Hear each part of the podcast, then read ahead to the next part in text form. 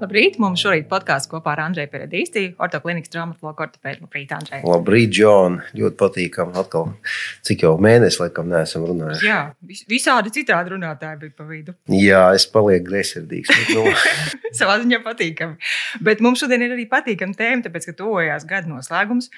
Un varbūt šis ir viens no pēdējiem podkāstiem, un uh, runāsim par sasniegumiem, par, par tādiem starptautiskiem sasniegumiem.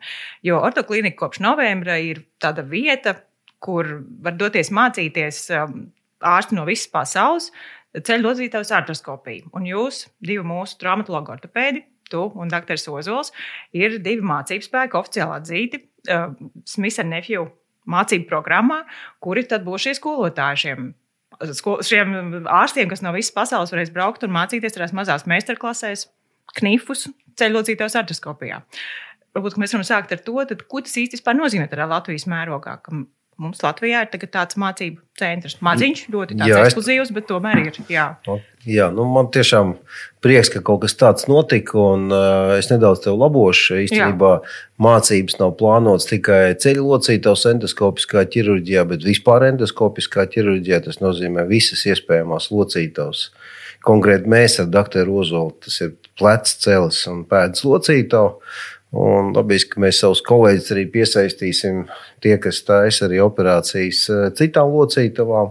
Tātad, bet šobrīd tas pirmais un, uh, solis, ko mēs esam spēruši, tiešām tā ir ceļu locītavas endoskopiskā un pleca locītavas endoskopiskā ķirurģija. Tā saucama artroskopija. Uh, tā, tā ir tāda nu, augsta līmeņa ķirurģija, kurai uh, ir nepieciešama diezgan labas uh, tehniskas iemaņas, pieredze Un, nu, šī būs tā vieta, kur cilvēki no visas pasaules būs. Viņiem būs iespēja atbraukt un eh, nu, tad, nezinu, dažu dienu laikā. Tas ir divas, trīs, četras dienas apmācības kurs, kur viņi varēs apgūt daudz visādus tehniskus knifus, kas ir uh, saistīti ar endoskopisko ķirurģiju. Un mēs savukārt būsim tie, kas to varēs viņiem visu sagādāt un nodrošināt. Šāda līmeņa vietas, teiksim, Latvijā kaut kas līdz, tā, līdz šim ir bijis, Baltijā vispār kādā mērogā?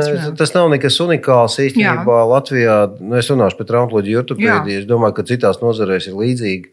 Uh, ir daudz mūsu atsevišķu ārstu, kas ir jau starptautiski atzīti un uh, brauc apkārt. Un mūsu kolēģis Dr. Vitāls Jurkevičs, jā, un uh, uh, kolēģis, kas ar mums kopā strādā mūsu plecu endoprotezēšanas spe, labākais speciālists, Dr. Vugulis. Jā, tad, tad eh, visiem viņiem ir sava pieredze jau braukājot apkārt, lasot lekcijas un tā tālāk. Eh, mēs jau arī ar to sen esam nodarbojušies. Vienkārši šobrīd tas ir tā sistematizēts, tā ir jauna organizācija, tādā vairāk varbūt tās, teiksim, Austrum Eiropas robežās. Polijā konkrēti ir izveidojusies iestā, tāda organizācija, kas piesaista mācību spēkus un veido teiksim, tādu vienotu skatu uz vispār endoskopiskās ķirurģijas attīstību. Un, ir viena liela amerikāņu kompānija, kas, tas pats Mr. Nefju, kas ir gatava to visu pasākumu atbalstīt. Uh, Un, eh, gan tehniski, gan iespējams arī finansiāli, jo dabiski tā, tādas lietas kā apmācība, viņi tomēr prasa kaut kāds finansiāls ieguldījums. Un, nu, un redzu, mēs esam bijuši pieaicināti un nu, diezgan veiksmīgi esam iekļāvušies šajā plūsmā. Ko tas nozīmē? Kā teiksim, tas reāli notiks? Kāds tas plāns ir, kā tā apmācība notiks? Nē, nu, reāli tā, ka tev nosūta uh, sarakstu ar uh, ārstiem, kas vēlās teiksim, uh, braukt un mācīties. Un uh, mūsu piedāvā kā iespējamo centru, kur varētu to visu uh, apmācību saņemt. Un, attiecīgi, mēs sastādām kaut kādu plānu, es nezinu, uz pusgadu, uz priekšu, uz gadu. Un mēs zinām, ka noteiktā laikā šeit, uh, ortoklinikā, viesosies ārsti no, es nezināšu, teikt, no kurām valstīm. Ja, un, Iespējams, ka kāds arī no Lietuvas brauks. Ja, teiksim, nav, nav jādomā, ka kāds no Dienvidamerikas uzreiz atlidos. Uh, Bet nu, katrā ziņā tas ir veids, kā mēs popularizējam sevi, iepazīstam jaunus. Es nedomāju, ka mēs tikai mācīsim, ir iespēja braukt jau ne tikai cilvēki, kur vispār neko nemāk darīt. Tur jau diezgan pieredzējuši ķirurgi brauc. Jo ķirurgiem ir tāda, tāda lieta, viņi vienmēr braukā pa pasauli, meklē kaut kādus atsevišķus tipus, knifus, knifus teiksim, ķirurģijā, kas varētu atvieglot kaut kādas atsevišķas tehniskas lietas. Un, faktiski es domāju, ka tādā veidā mēs arī veidosim jaunu sakars, un tas nav slikti. Respektīvi, praktiski tas būs, ka tās, būs, tās būs operācijas, kurās piedalīsies asistēs ārsti. No nu jā, nu, tur nav tikai operācijas, tur faktiski ir arī kaut kāds lekciju klāsts. Un, uh, faktiski tie ir tādi kursi, ja, kur tiek izrunātas sākotnēji tehniskās lietas, uh, tad cilvēki tiek iepazīstināti ar. Uh, klātienē ar tām ierīcēm, ar kurām mēs strādājam, jo veidi, kā tiek veikta artroskopija, nu, konceptuāli ir vienādi visur, bet uh, daudz atšķirīgas lietas ir un atsevišķi. Un, tā kā ķirurģija ir raksturīga ar to, ka tur ir daudz dažādu instrumentu, un tie instrumenti arī ir tas, kas ir jāapgūst. Un, uh, es domāju, ka ne tikai ķirurgi brauks, jo mācīties, mā, jāmācās arī māsām. Tīpaši operācijas māsām, operācijas paliek ar vien sarežģītākas, tehnoloģiski, un attiecīgi māsām arī ir ļoti liela loma operācijas. Uh, gaitēji, lai tā noritētu raiti un bez problēmām, tad operācijas māsa ir viena no atslēgas figūrām vispār. Visā tādā pasākumā. Un tad uh, ir paredzēts, ka ne tikai ķirurgi, bet arī operācijas māsas arī piedalās šajā procesā. Mums ir kaut kāds skaits cilvēku, cik mēs esam gatavi vienā reizē uzņemt šādā pasākumā. Ir kaut kā tas domāts. Nu, ko, nu, nu, redz, konferenču zāle mums ietilpst cik 20, 30, Jā, 60 cilvēki. Viņi jau visi nevar būt. Nē, nu, tik daudz jau nē, tā, tā, nē, nu, tur divi, trīs cilvēki. Brauc, jā, tas tā. tiešām ir tāds reiz, jā, tas ir tāds pavisam uh, intīms, individuāls pasākums. Saki, tu pats, cik, cik gadus tu esi mācījies artroskopiju, cik ilgi tu operē šādā veidā, šajā tehnikā? Tosies es mācījos Es domāju, es pabeidzu institūtu 93. gadā, un uh, viss tā rezidentūra turpinājās. Toreiz tas bija četri gadi, bet es joprojām mācos. Tas ir tāds process, tas ir tāds never ending story. Jā, tas ir tas, ko, uh, principā, kas ir raksturīgs vispār medicīnai. Tad brīdī, kad tu pārstāji, apgūt jaunu, mācīties, uzskat, ka viss ir nostabilizējies, ka tev viss ir pilnīgi skaidrs, tad brīdī tu sāc degradēt. Principā tad ir jāsāk domāt par pensiju. Parasti tas lūzums notiek kaut kādos 65, 70 gados, kad nu, negribās neko īpaši mainīt. Vienkārši, nu, Šobrīd vēl joprojām ir vēlēšanās apgūt jaunas lietas, jaunas instrumentus, jaunas tehnoloģijas. Jā, un tas, es domāju, ka tas ir tāds process, ka tur skaidrs, ka to pamatlietas, kas ir, tas ir tā, tā, tā rezidentūras laiks. Jā, un varbūt var pirmie trīs, četri, varbūt pat pieci gadi pēc tās rezidentūras. Un šobrīd vienkārši tu jau pieslīpējies, es tik tālu savu meistarību, un kad, nu, tas nesagādā vairs tādas nu, nezinu, negulētas naktas pirms operācijām. Praktiski nemēdz būt. Un tie knifi, būtībā, dēļ kā arī tie cilvēki, lielākoties tie ārsti brauks mācīties, Kā viņi radās? Viņi radās tīri daudz, daudz, daudz operējot un atrodot to savu veidu. Kā, kā nu, jā, nu, tas, ir, tas nav tikai medicīnā. Tas jā. arī sportā, teiksim, cilvēkiem trenējoties, attīstot kaut kādu vienu konkrētu kustību. Pēkšņi tu saproti, ka jā, to kustību veicot šādā veidā, es varētu panākt to, ka man, nezinu, tur, nu, tā kā es spēlēju golfu, man ir nu, viena stāsta, stāstīja mans uh, kolēģi, kolēģis golfā. Uh, viņš teica, ka tur nu, viens tāds diezgan slavens golfists ir šobrīd. Nu, viņš ir diezgan jauns, bet nu, viņš ir slavens ar to, ka viņš ir pēdējo divu gadu laikā panācis to, ka viņam tā bumba ar pirmo sitienu lido nu, vis tālāk pasaulē. Droši vien vidējais tas distance viņam ir pārpa 350 metriem stabili.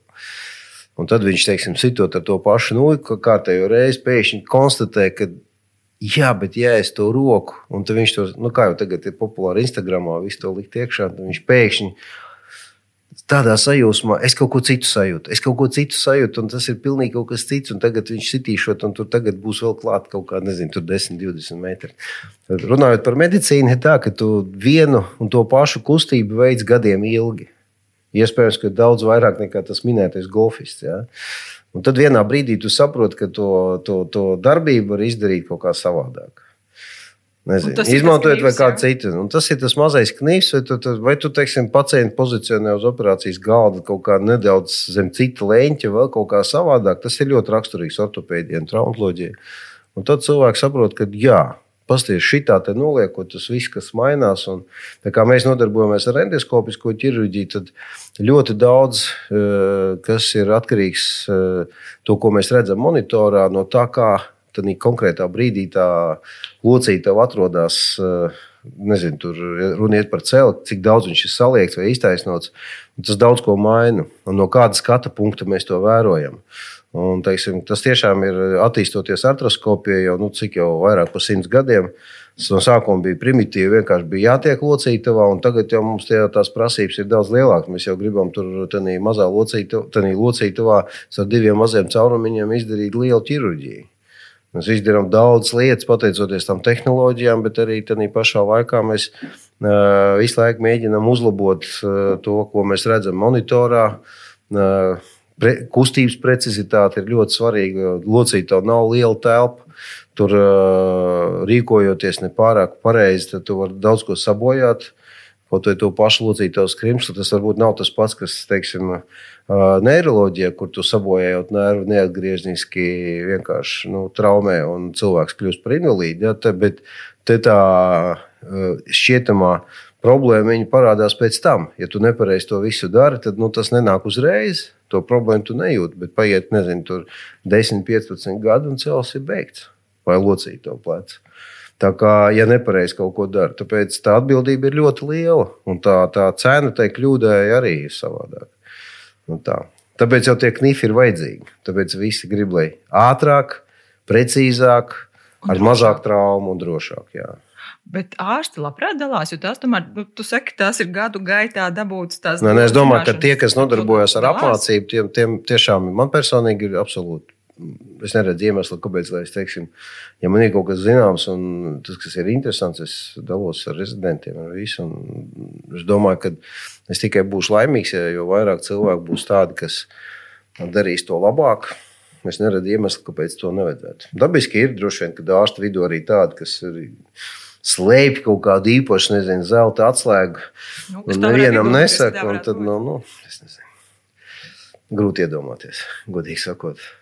Jūs tālāk, es saprotu, ka jūs arī nekādā veidā neapstājaties mācīties. Tas, ka jūs tagad esat mācības spēks šajā projektā, tas neko nenozīmē. Tālāk, mēs esam māc, mā, jā, un mēs uh, absolūti mācāmies, teiksim, braucot pie citiem saviem kolēģiem, tāpat stāvam, klausamies, skatāmies. Un, uh, Un tāpat tie kolēģi arī atbrauks pie mums, un arī viņi mācīsies no mums. Pat mēs aizbraucot uz, aizbraucot uz turieni, mēs notiek diskusija. Kāda apmaiņa. Un tā apmaiņa ar informāciju tas ir tas būtiskākais visā tajā procesā. Nevis tāpēc, ka mēs tur kaut ko jaunu viņam, jo principā anatomija tie cilvēki zina. Viņi zina, kā pareizi ir operēt, bet ir kaut kādas atsevišķas, kā jau mēs runājam, lietas, kuras nu, ir ļoti svarīgas. Un, ja tu vienā tādā braucienā tev ir vismaz viens vai divi kaut kādi jauni knifi, Ar to pilnīgi pietiek. Lai tu daudzas lietas uzlabotu. Viss pavirzītos. Jā, man grūti konkrēti piemērs kaut kāds, bet nu, tas laikam arī pārāk medicīnas, pārāk jā, tā sarežģīti. Saka, šis ir arī kaut kāds iegūms mūsu pašu topošajiem traumatologiem, ortopēdiem. Viņiem arī šī ir kaut kāda iespēja vai, vai tas? Bet viņiem vispār ir iespēja. Mēs jau diezgan regulāri cenšamies organizēt visādus kursus. Nu, es teiktu, tā regularitāte varbūt tās pandēmijas rezultātā ir drusceņi tā samazinājusies un objektīvi iemeslu dēļ, bet, bet perspektīvā dabiski mums ir interese maksimāli pievērsties tādai lietai kā izglītība. Nu, es domāju, tīri profesionāla izglītība. Ja, tad tiem cilvēkiem, kur jau ir apguvuši, un mēs nekad neesam slēpuši, ka mēs esam gatavi uzņemt rezidentus. Un, uh, Neskatoties uz to, ka mēs esam privāti iestāde, bet es domāju, ka pieredze mums ir pietiekami liela. Arī dalīties. Mums arī ir, ir ko. Nu, kā tad? Nu, jā.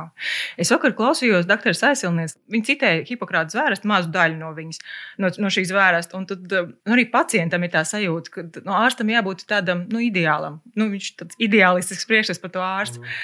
Es domāju, kā ir, kad ir kaut kādi sasniegumi, panākumi, tu ej tālu, tālu tajā medicīnā, tajās iespējās kā ir, nu, kā vispār iespējams saglabāt to, to vienkāršo cilvēcību par to, nu, par to pacientu, kurš pie tevis nāk, vienkārši cilvēks, kuram vienkārši sāp. Nu, kā to ir iespējams saglabāt? Hipokrāta zvērstā ir rakstīts absolūti viss, kas ir domāts cilvēkiem. Es nezinu, ko, to, ko sludina baznīcā, ja, to, ko saka Bībelē. Ja, nu, nezinu, tas jau viss ir pilnīgi skaidrs. Es nevaru iet, nu, tas ir tā, ka tu, būdams ārsts, tev pirmkārt jādomā par to pacientu. Es personīgi mana pieredze ir tāda, viss, kas notiek ar cilvēku, un komunicējot, es diezgan daudz konsultēju, ir kaut kādas lietas, es visu to lietu projicēju arī uz sevi. Nu, man liekas, vienkārši, ja tu esi vienā vārdā labs cilvēks, nu, nevar, tu tu nevar citam darīt. Nu, jā, nu, tas, ir, tas ir tāpat, kā tu domā par citu. Tu, teiksim, stāvvietā neatstās mašīnu tā, lai tas otrs nevarētu neizkāpt. Es vienmēr paskatos. Ja, nu, tas ir tāds, tu vienmēr domā par citu. Nu, tu, tu visas lietas, ko tu dari, tu vienmēr padomā, vai tam otram, kas tev ir blakus, neizdarīs pāri. Nu, tā. Ļoti cilvēcīgi. Ziniet, kā man tas jautājums bija bijis savādākā griezumā, vai sasniegumi neattālina no tā vienkāršā cilvēka. Es tā to biju vēl domājusi. Nu, ko nozīmē sasniegumi? Ziniet, kā nu, man nav absolūti šīs zvaigžņu slimības. Ja Vienkārši nu, medicīnā, es nezinu, ir dabiski ļoti daudz, kurus rāda, un liekas, ka nu, tas ir Dievs. Bet klausies, nu nav. Visus tos cilvēkus, ko rāda, es nesaukšu tos uzvārdus, nu, viņi dara to pašu, ko dara visi pārējie, to ķirurgi daudz, un mēs arī neesam kaut kādi īpaši. Atšķirās tikai attieksme pret to cilvēku. Jo iemācīt var arī pērtiķi, strādāt ar skalpeli un šūt diegiem ādu, es nezinu, tur vēl kaut ko. Ja? Bet, bet svarīgākais jau notiek pirms tās operācijas pirms tas ķirurgs teiksim, ir nolicis to pacientu uz operācijas galda. No cilvēkiem attālināties, nezinu, priekš mums tas absolūti nav. Mēs te neesam neviens, ne dievs, nekas īpašs. Jā, vienkārši mēs strādājam, darām savu darbu un visu. Mums ir svarīgi, lai mūsu pacientiem būtu maksimāli labi. Mēs pārdzīvojam absolūti par katru, neskatoties uz to, cik daudz mēs tur esam strādājuši, cik daudz mēs esam pieredzējuši un cik daudz tie cilvēki domā, ka mēs esam nezinu kādi. Jā, bet, Bet īstenībā mēs esam tādi paši cilvēki. Un, ja man cilvēks ienāk kabinetā, viss, mēs esam pilnīgi vienā līmenī ar viņu. Es vienkārši zinu vairāk par to, kas viņam sāp un kā viņam palīdzēt. Nu, tā. Paldies, liels par sarunu. Es ceru, ka pēc gada mēs par to varēsim runāt vēlreiz par šo visu apmācības programmu un atkal no kaut kāda cita. Nu, es ceru, ka tie cilvēki brauks, jo, zin kā, viena lieta, tu tur sāc to visu, varbūt, nu jā, tur, zin, kā, kas būs ar to pandēmiju, kas tur būs, vai varēs viņi braukt. Tagad jau viss tik neprognozējams ir, kad Nu, bet pamats ir, kas arī ļoti jauki un patīkami. Nu, jā, nu, jā, nu patīk vispār kaut kas notiek. Tā ir. Paldies, tev! Liels. Paldies, tev, Džon! Čau! Atā.